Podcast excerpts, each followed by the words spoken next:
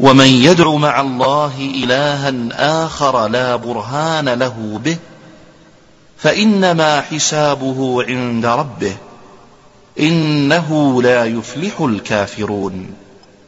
وفي الحديث الدعاء مخ العبادة والدليل قوله تعالى وقال ربكم ادعوني أستجب لكم. إن الذين يستكبرون عن عبادتي سيدخلون جهنم داخرين بسم الله الرحمن الرحيم. الحمد لله رب العالمين. اللهم صل وسلم وبارك على سيدنا محمد سيد الأولين والآخرين وعلى آله وأصحابه أجمعين وعلى التابعين لهم بإحسان إلى يوم الدين وبعد. فيقول الشيخ رحمه الله محمد بن عبد الوهاب في كتابه الأصول الثلاثة وأنواع العبادة التي أمر الله بها مثل الإسلام والإيمان والإحسان ومنه الدعاء والخوف والرجاء والرغبة والرهبة والاستعانة والاستغاثة والخشوع والخشية إلى غير ذلك من أنواع العبادة. الله تعالى أمرنا أن نعبده بقوله تعالى واعبدوا الله ولا تشركوا به شيئا وهذه العبادة كما سيأتينا مراتبها الإسلام والإيمان والإحسان. والإسلام أعم ثم الإسلام أخص ثم الإحسان أخص من الجميع. ويأتينا أن الإسلام والإيمان إذا اقترنا يعني إذا ذكر جميعا واقترنا فسر الإسلام بالأعمال بالأعمال الظاهرة. والإيمان بأعمال القلب الباطنة وإذا أتي بأحدهما دخل في ضمنه الآخر. وهذا سيأتينا إن شاء الله في الأصل, في الأصل الثاني. لكن المراد أن المسلم يتعبد الله بإسلامه يتعبد الله بإيمانه يتعبد لله بالإحسان. ومن أنواع الإسلام من أنواع مراتب الإسلام والإيمان والإحسان من أنواع مراتب هذه العبادة أنواع أمر الله بها ومنها الدعاء والخوف والرجاء والنذر والرغبة والرهبة والاستعانة والاستغاثة وكلها لله جل وعلا. فمن صرف منها شيئا لغير الله فقد أشرك. يعني أنواع هذه العبادة من الدعاء والخوف والرجاء والخشية والرغبة والرهبة والإنابة والاستعانة والاستغاثة كل هذه أنواع أمر الله بها. يعني أمرنا أن ندعوه وحده وأمرنا أن ننيب إليه وحده وأمرنا أن نستغيث به فيما لا يقدر عليه إلا هو وحده وأمرنا أن نستعيذ به فيما لا يقدر على التخلص من ذلك البلاء إلا بالله وحده. وأمرنا أن تكون رغبتنا الحقيقية لله ورجاؤنا لله وخوفنا الحقيقي من الله. كل هذه الأنواع أمرنا الله أن نصرف حقائقها له وأن لا نصرف شيئا منها لغيره. استدل الشيخ بقوله تعالى ومن يدعو مع الله إلها آخر لا برهان له به فإنما حسابه عند ربه إنه لا يفلح الكافرون. من يدعو مع الله إلها آخر. دروس في العقل دروس في العقل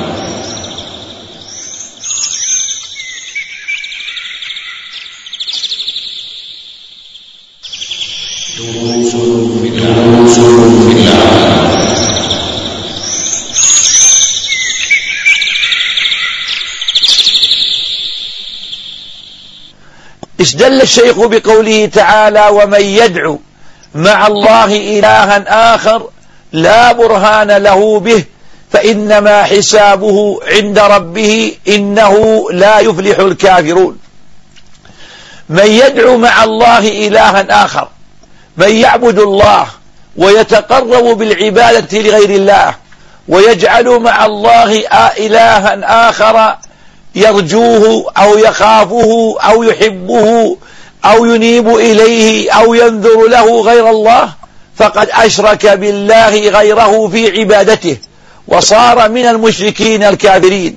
لأن الله يقول ومن يدعو مع الله إلها آخر لا برهان أي لا حجة له في ذلك فإنما حسابه عند ربه إنه لا يفلح الكافرون لأن أولئك كفروا حيث جعلوا مع الله آلهة أخرى يصرفون لذلك الآلهة حقا من حقوق الله فهذا كفر بالله.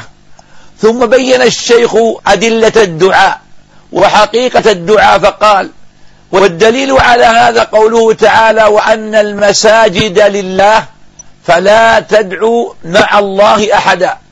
فأخبرنا تعالى أن المساجد ويحتمل أن يكون المراد مواضع العبادة والأماكن التي حازها المسلم وجعلها موضع للعبادة كالمساجد مثلا أو أن المراد بالمساجد هنا أطراف الإنسان فإن الإنسان مأمور أن يسجد على سبعة أعظم كما قال صلى الله عليه وسلم أمرت أن أسجد على سبعة أعظم الجبهة وأشار بيد كفه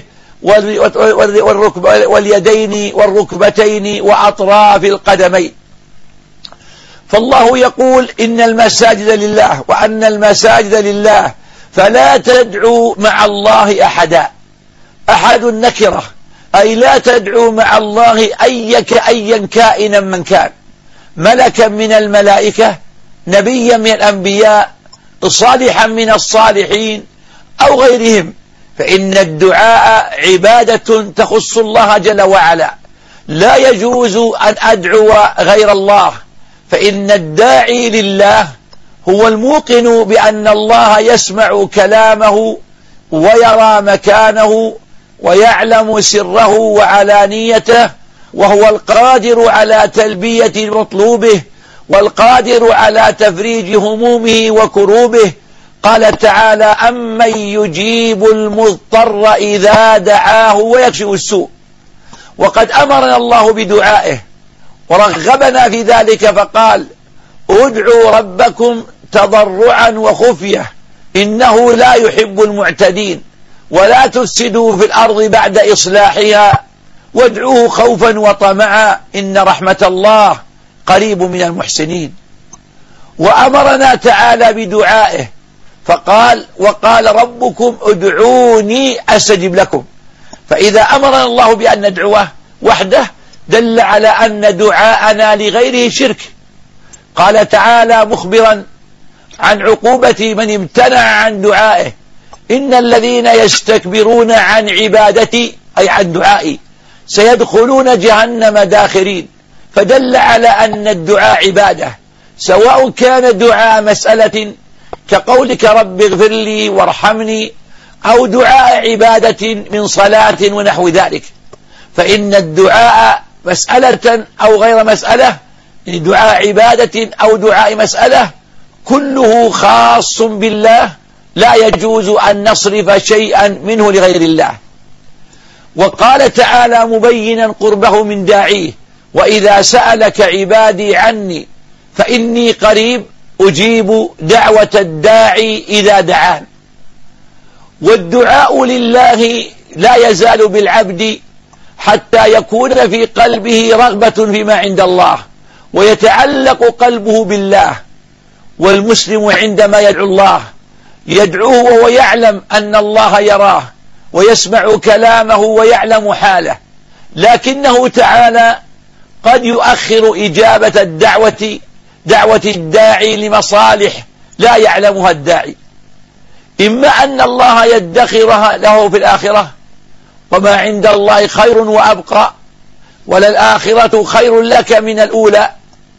وإما أن يدفع الله بها شرا لا يتوقعه الإنسان أعظم من الأمر الذي هو واقع فيه. وإما أن تعجل له في الدنيا. على كل حال ينبغي أن يفهم الداعي أن الدعاء عبادة ولا ينبغي له أن يترك الدعاء بعد قضاء حاجته.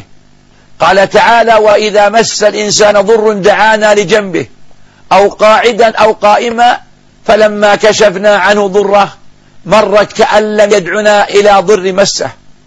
ويقول العلماء إن للدعاء أوقاتا وللإجابة أسبابا ولعدم ولموانع الإجابة أسباب. فالدعاء في كل وقت ادعو الله.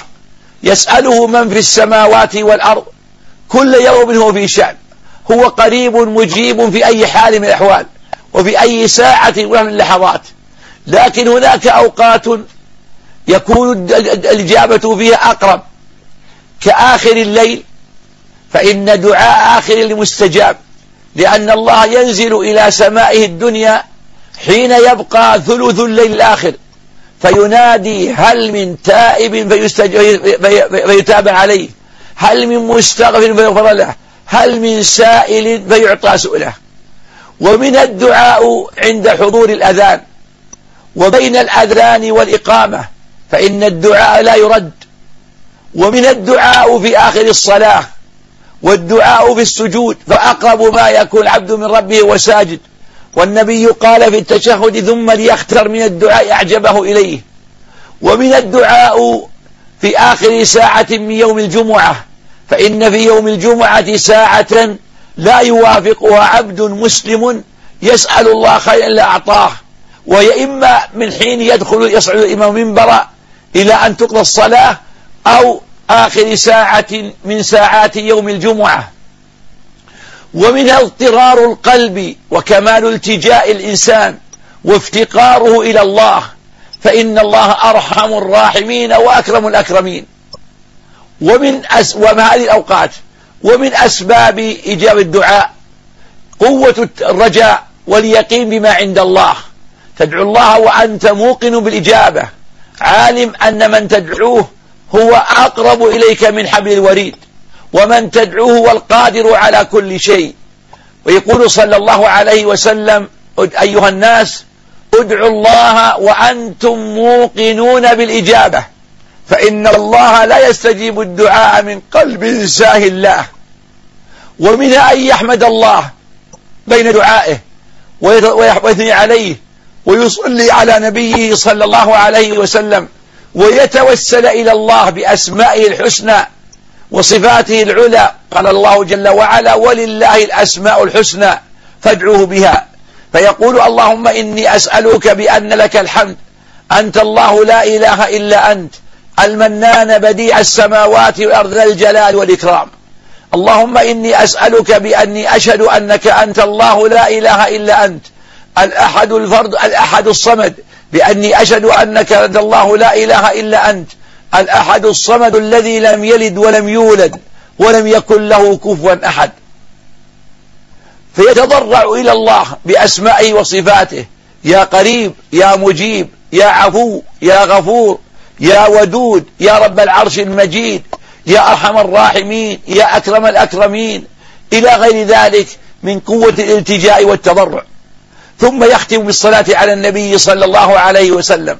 وإن كان مستقبل القبلة وعلى طهارة رجي أن يكون الإجابة أكثر. ومن موانع إجابة الدعاء أولا سهو الإنسان وغفلته. فإن النبي صلى الله عليه وسلم قال إن الله لا يستجيب الدعاء من قلب ساه الله ومنها أكل الحرام.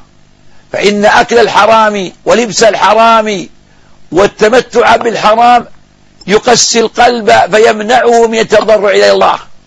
يقول صلى الله عليه وسلم حينما ذكر الرجل الذي يطيل السفر أشعث أغبر يمد يديه السماء يا رب يا رب يا رب ومطعمه حرام وملبسه حرام وغذي بالحرام فأنا يستجاب لذلك.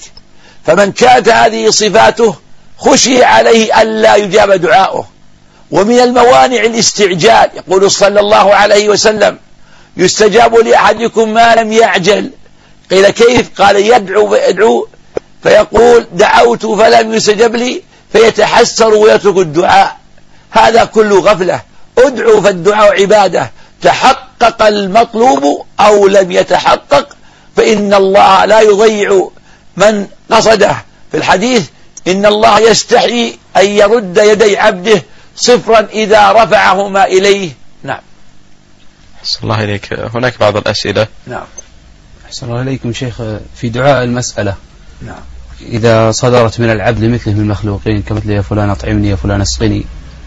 إن كان الطلب من هذا المخلوق في أمر يقدر عليه أعطني أطعمني يقدر عليه فلا مانع. لكن الكلام إذا دعا من لا قدرة له على ذلك. دعا غائبا دعا ميتا هذا هو الذي لا يسمع. أما أن تدعو قادر حي قادر على أمر بإمكانه فليس هذا من مذموم في سؤال. إلا المسألة التي يعني الإلحاح مسألة من المخلوق فإن الشرع رغب المسلم في كمال العفة والقناعة. ولهذا في الحديث لا تزال المسألة بأحدهم حتى يلقى الله وليس في وجهه بزة لحم. نعم. ذكرتم أن من موانع الإجابة الاستعجال. كيف يجاب عن قول النبي صلى الله عليه وسلم في دعاء الاستسقاء؟ عاجل غير آجل داخل في لا ليس هذا داخل. لأن قول الاستسقاء اللهم أسقنا غيثا مغيثا هنيئا مريئا سحا غدقا طبقا مجللا. عاجلا غير آجل لأن المقصود سؤال كشف الحالة الراهنة. فهو يسأل الله تعجيل الفرج لأن الغيث إذا انقطع هلك الناس. فهذه أمور وقتية. يسأل الله أن يجزل الفرج لأن في التعجيل بالفرج إنقاذ لحياة الناس. أما لو كان أمرا ليس كذلك فإن المطلوب عدم العجلة. نعم. ذكرتم أن من ساعات الإجابة ساعة من دخول الإمام إلى انتهاء الصلاة. كيف يتم الجمع بين يعني يلتبس على البعض أن هذا من اللغو في الصلاة أو لا اللغو أن تكلم غيرك. أو تشغل نفسك غيرك. أما دعاء فيما بينك وبين وبين نفسك فإن هذا يؤثر. لا سيما قبل أن يخطب الإمام وبين الخطبتين ومن حين تقضى الخطبة الثانية أما أثناء إلقاء الخطيب خطبته فالإنصات لها واجب. لكن عندك ما بين دخول الخطيب أن يبدأ خطبة وعندك الجلسة بين خطبتين وعندك منه تقضى الخطبة الثانية وتقام صلاة الجمعة وأثناء الصلاة في سجودها وفي التشهد كله موضع يرجى فيه أن يجيب الله دعوة الداعي. قال المصنف رحمه الله تعالى ودليل الخوف قوله تعالى فلا تخافوهم وخافون إن كنتم مؤمنين. ودليل الرجاء قوله تعالى فمن كان يرجو لقاء ربه فليعمل عملا صالحا. ولا يشرك بعبادة ربه أحدا. ودليل التوكل قوله تعالى وعلى الله فتوكلوا إن كنتم مؤمنين وقوله ومن يتوكل على الله فهو حسبه بسم الله الرحمن الرحيم. الحمد لله. اللهم صل وسلم وبارك على رسول الله وعلى آله وصحابته أجمعين. وعلى التابعين لهم بإحسان إلى يوم الدين. يقول الشيخ رحمه الله مبينا أدلة أنواع العبادة من كتاب الله.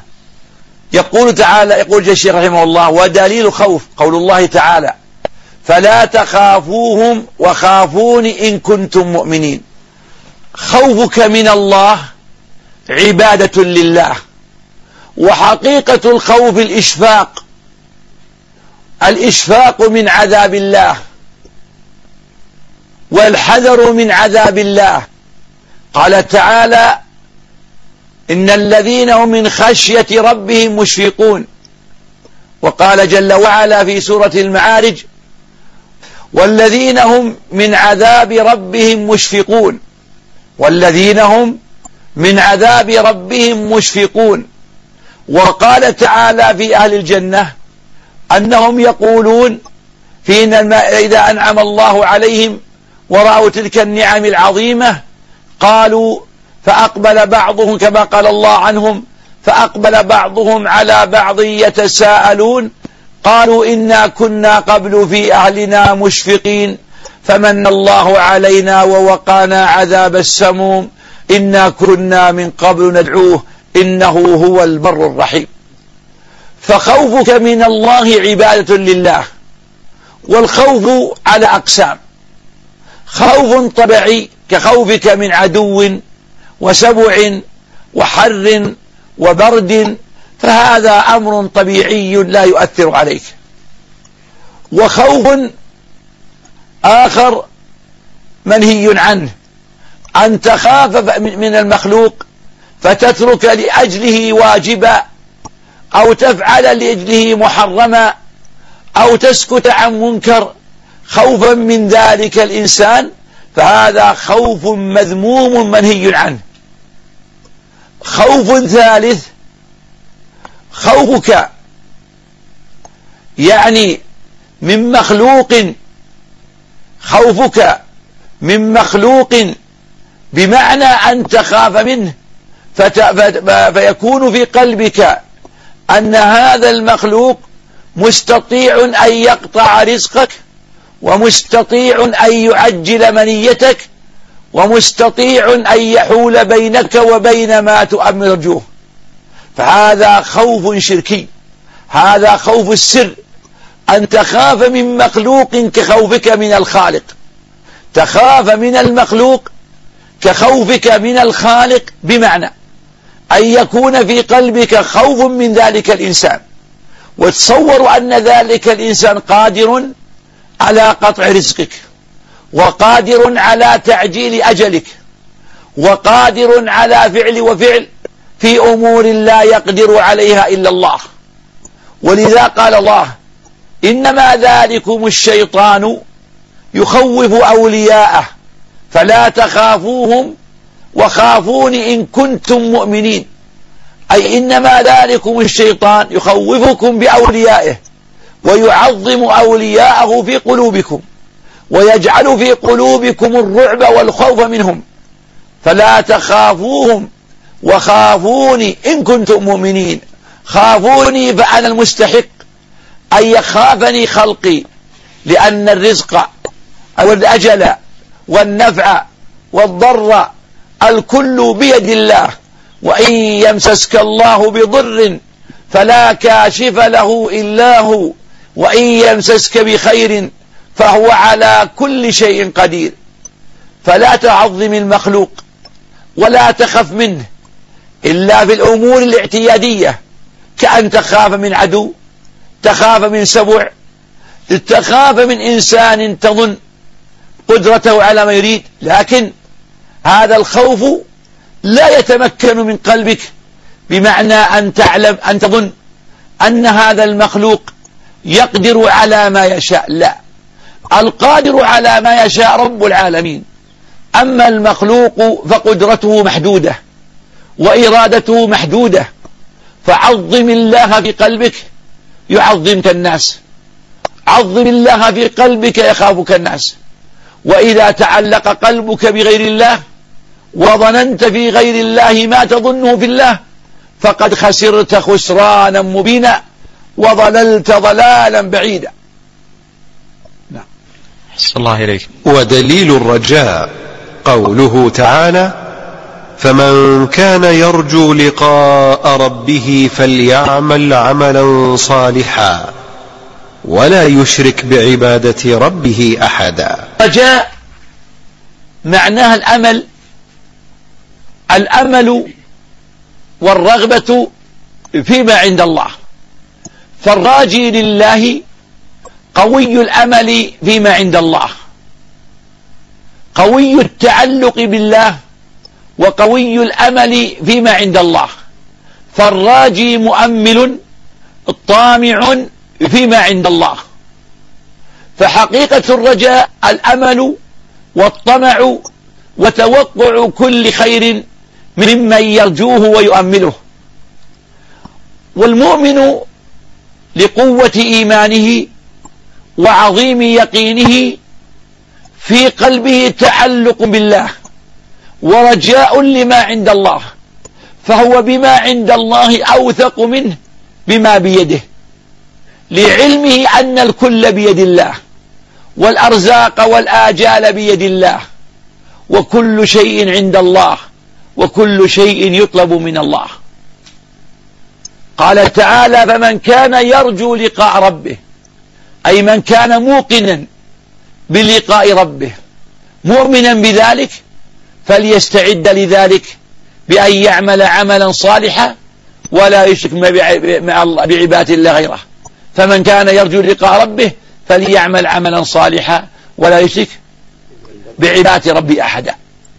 وهذه الآية جمعت أصلي الأصلين اللذين هما شرط لقبول العمل وهو كون العمل صالحا وكون العمل خالصا.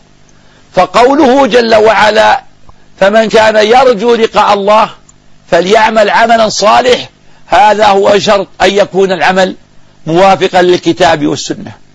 وقوله ولا يشرك بعبادة ربه أحدا دليل على الإخلاص. ثم قوله فمن كان يرجو لقاء ربه. الرجاء هنا خاص بأهل الإيمان. الذي وهو الرجاء الخاص. الذي يتضمن اليقين بما عند الله. والإيمان الجازم بأن الله لا يضيع أجر من أحسن عملا. والرجاء العام لعموم المسلمين. فإن الرجاء لخواصهم وهم المؤمن حقا وهناك الرجاء لعموم المسلمين لكن يتفاوت المسلمون في هذا الرجاء قوة وضعفا. قال تعالى إن الذين آمنوا والذين هاجروا وجاهدوا في سبيل الله أولئك يرجون رحمة الله والله غفور رحيم. قسم العلماء الرجاء إلى قسمين. أولا رجاء ممدوح. وهو رجاء أهل الإيمان. الصادق. الموقنين بلقاء الله. فهؤلاء رجاؤهم هو الرجاء المحمود. والثاني الرجاء الذي حقيقته الأماني والغرور والتمادي في الباطل. فمن كان رجاؤه يدعوه إلى قوة الإيمان ومضاعفة الجهد في العمل. فهذا هو الرجاء الممدوح. ومن كان رجاؤه يدعوه إلى البطالة والكسل والتهاون بالطاعة والإعراض عنها والتمادي في المعاصي والسيئات فهذا رجاء مذموم. قال تعالى أم حسب الذين اجترحوا السيئات أن نجعلهم كالذين آمنوا وعملوا الصالحات سواء محياهم ومماتهم ساء ما يحكمون. وقال جل وعلا أفنجعل المسلمين كالمجرمين؟ ما لكم كيف تحكمون؟ فهناك رجاء محمود رجاء أهل الإيمان عملوا وأصلحوا واستقاموا وأملوا في ربهم كل خير. وهناك من عطلوا العمل وتقاعسوا عن الطاعة فرجوا ورجاؤهم أماني باطلة. ليس بأمانيكم ولا أماني أهل الكتاب. من يعمل سوءا يجزى به. من يعمل سوءا يجزى به. فمن كان رجاؤه حاملا له على الخير قائدا له يصل العمل فنعم الرجاء. ومن كان رجاؤه سببا لضعفه وسببا لكسله وسببا لتباطؤه عن الطاعة فهذا هو الرجاء المذموم وهو الغرور والخداع نعم. صلى الله إليك. شيخ ذكرتم في الخوف الخوف الطبعي هل إذا ترتب على ذلك ترك واجب أو فعل محرم دخلت في الآية فلا تخافوهم كنتم نعم. مؤمنين؟ هو الخوف عنده سبع حر برد من لص هذا خوف طبيعي. لكن خوف يحملك على أن تترك واجبا أو تفعل محرما المذموم خوفك أن أن تظن في المخلوق قدرته على كل ما يريد وتتوقع منه كل ما يريد هذا شرك. لأن هذا أمر خاص بالله. نعم. حسن الله إليك. شخص يرجو ربه لكنه لا يعمل. هذا رجاء باطل. من كان يرجو فليعمل لأن الراجي هو الذي يعمل. قال بعض السلف المؤمن يعمل ويرجو والمنافق يتباطأ ويرجو. وقال بعض ليس الإيمان بالتحلي ولا بالتمني ولكن ما وقر في القلب وصدقه العمل. قال تعالى إن الذين هم من خشي ربهم مشفقون والذين هم بآيات ربهم يؤمنون والذين هم بربهم لا يشركون والذين يؤتون ما آتوا وقلوبهم وجلة أنهم إلى ربهم راجعون أولئك يسارعون في الخيرات وهم لها سابقون. تقول عائشة يا رسول الله أهم الذين يسرقون ويزنون؟ ويخافون أن لا يتقبل منهم قال لا. ولكنهم الذين يصلون ويصومون يصدقون ويخافون أن لا يقبل منهم.